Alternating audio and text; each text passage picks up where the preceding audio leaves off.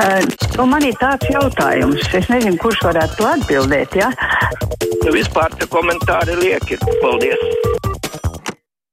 Latvijas radio brīvā mikrofona tāluņa numuri 6722, 888, un 672, 559. Es aicinu jūs arī rakstīt komentārus, viedokļus, kritiku, slavas, atverot Latvijas radio viens mājaslapu, sadaļa kruspunktā vai brīvais mikrofons. Tātad 6722, 888 un 672, 559. 9. Dosim vārdu pirmajam klausītājam šodien brīvajā mikrofonā. Labdien! Labdien! Es uzskatu, ka visa šī saruna bija kārtējā vētra te izglāzē. Jo cik reformas nav bijušas, cik nav malta, bet realitāte jau paliek savādāk, pavisam cita ir. Ātri atbrauc, un ja tev ir kaut kādas nopietnas vainas, ja, un ved tevi tikai uz reģionālo slimnīcu, tad konkrēti man iznāk tūmā Jaugava, kur nav speciālisti ne neiroķirurgijā, ne kardioloģiskās nodaļas, jā, bet jau pa katru cenu ved uz Jaugavu neved uz Rīgas stradiņiem, kur ir speciālisti. Ja? Un es redzu, ka to pašu jau turpināsies, jo ātrie dzīvo pēc saviem uh, likumiem. Un realitāte pavisam cita. Ja tu samaksā 67 eiro, jā, lūdzu, tad braucam uz stradiņiem ar ziliem uguņiem uz priekšu. Paldies! Paldies par uh, jūsu viedokli brīvajā mikrofonā. No rakstītā arī redz par uh, šīs dienas mūsu tematu. Maruta raksta, Vājā vieta medicīnas aprūpē ir veselības nozares administratori. Tā skaitā tie, kuri regulē medikamentu pieejamību, un arī viedokli. Un šeit arī atmiņā atsaukts gadījums, kad dzemdētāji nepieņēma slimnīcā, jo ārsti sestdienā un svētdienā nestrādā. Arī šāds fakts ir. Viesturs raksta sociālajam darbiniekam, lai apmeklētu nelabvēlīgu ģimeni, Šī vizīte ir iepriekš jāpiesaka. Būšu trešdien, 14.30. Vai tas nav absurds? Pārbaudot, viss ir tīrs, smaržīgs, visi skaidrā. Kā tad konstatēt nelabvēlīgu ģimeni, ja vien viņi nemētājas grāvī vai telpā? Šī prakse būtu jāmaina, ka par vizīti sociālajiem darbiniekam iepriekš ir jābrīdina. Tā mums raksta viesturs. Es saku jums labdien, brīvajā mikrofonā, lūdzu! Labdien, Gunārs no Rīgas. Man ir tāds jautājums, kam pirmam pie, pie, pietiks pacietības un laika un enerģijas. Jaunajam prezidentam, kurš tagad mēneša laikā ir pabijis vairāk kā iepriekšējais prezidents pa četriem gadiem, iepazīties ar, ar tautu, ar, ar, ar, ar, ar republiku. Jeb Kariņam tā, četru gadu laikā tādu pašu imitāciju darīja, kā viņš to darīja kopā ar Līti, un neko jautājums nerisināja.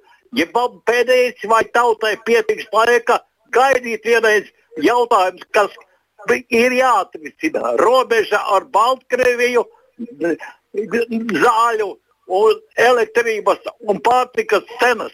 Kad beigsies laiks Gunār, ja es pavisam īsi jums varu pavaicāt, jūs vēl esat pie telefona?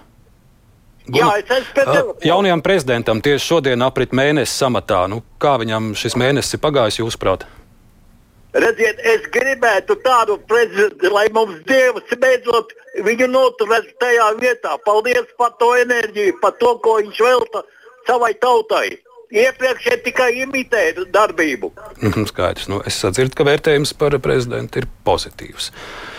Ļauds raksta arī mums par uh, jaunajiem sadales tīklu un elektrības tarifiem. Šeit ir dažādi piemēri, ka uh, sadales tīklu pārstāvja teikusi, ka mm, tā, tas cenas pieaugums ir par dažiem procentiem, bet ļaudis te raksta savus piemērus, kur ir ielikumi rēķina atšķirība pat 4 un 5 reizes, un, un vesela virkne šeit ir dažādi piemēri. Rolands arī raksta, ka jūlijā divas dienas vispār nebija elektrības, bet, bet tāpat par visu bija jāmaksā, un tagad ļoti daudz, kur dēļ vētras ir atslēgumi, bet gan jau tāpat būs pie, pie, piesūtīts pilnais rēķins.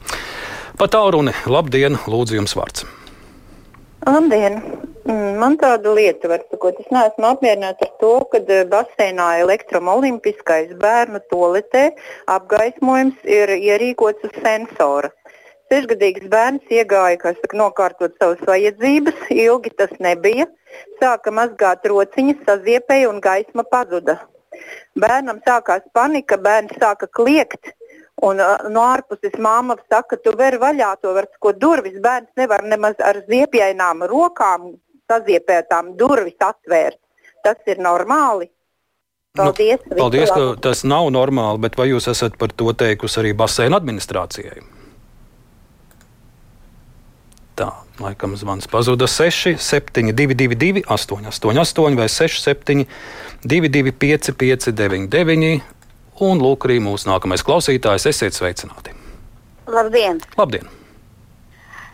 Gribu uzteikt jūs par šodienas raidījumu iepriekšējo, ka jūsu pacietība izturēt to vienmuļo vēlēšanu, gan no tās dāmas, un no tā balvu vadītāja arī jau sacerēto runu par aiz tādu nu nezinu, ko mēs domājam par cilvēkiem un ko mēs vispār.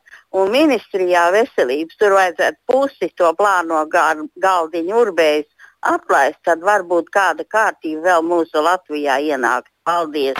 Paldies par jūsu viedokli brīvajā mikrofonā. Jā, ļaudis turpina rakstīt arī dažus piemērus, kā viņiem ir mainījies elektrības rēķins, piemēram, no 28 eiro iepriekš uz 55. Andrejs arī raksta, man bija jāmaksā 5,99, tagad ar 1. augustu 14 eiro. Tas nav normāli, ka tik strauji pieaug.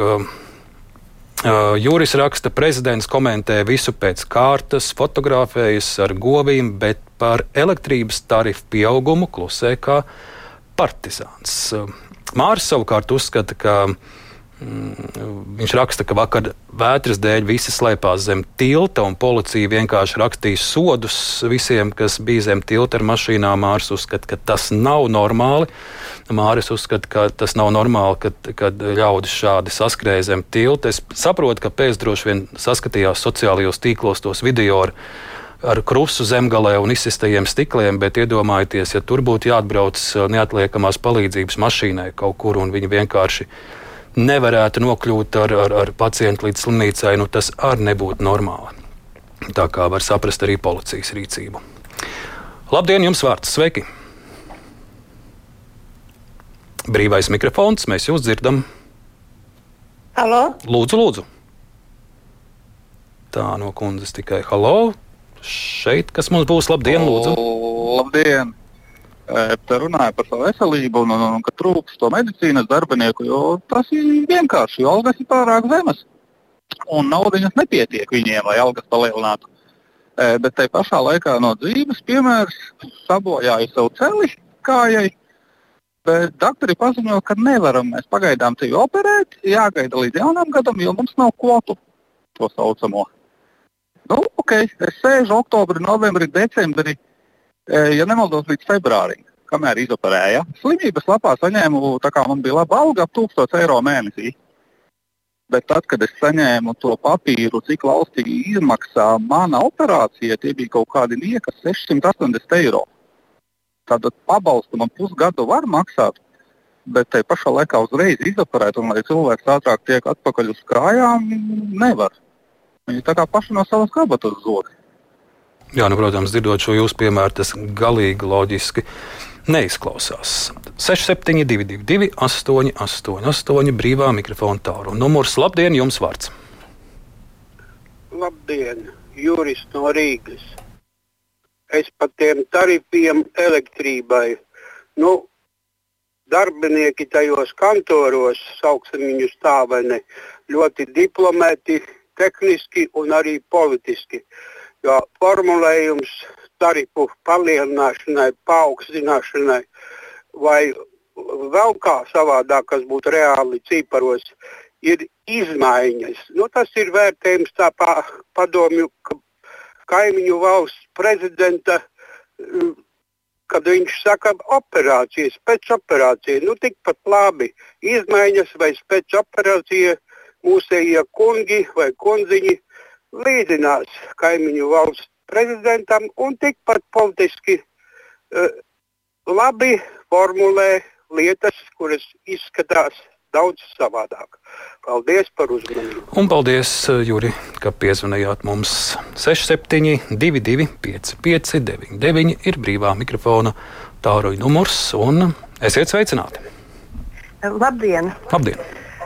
Vairāki zvanītāji sūdzējās, un, un, un daudzi, saka, kuri, kuri nespēja piezvanīt par to, ka tiešām pie speciālistiem netiek jāgaida pilnīgi līdz gadam.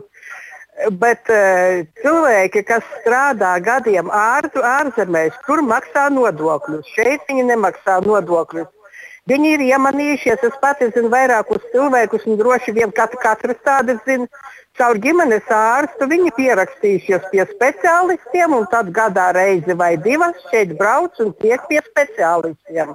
Kādreiz veselības ministrija bija šo jautājumu sākusi cilāt, ka tomēr ģimenes ārstam būtu jāpārliecinās, Jā, tie tur sāka kliegt, jo viņiem ar laikam liekas, ka nauda krīt no gaisa.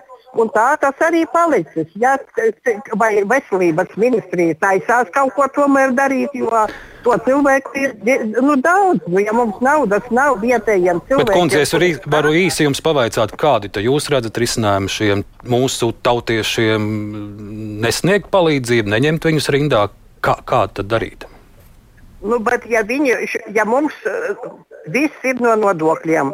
Nodokļus viņi šeit nemaksā. Tātad akūtās teiksim, palīdzību viņi saņem turpat uz vietas, pie tādā valstī.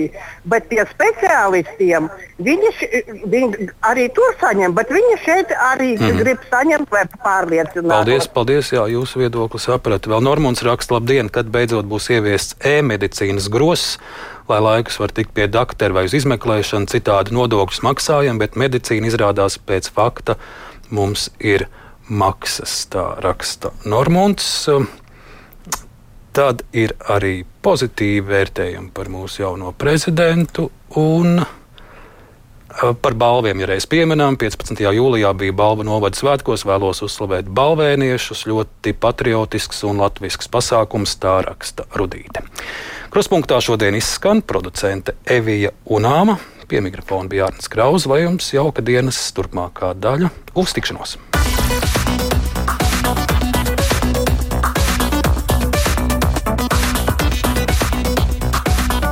Fakti un viedokļi. Krustpunktā.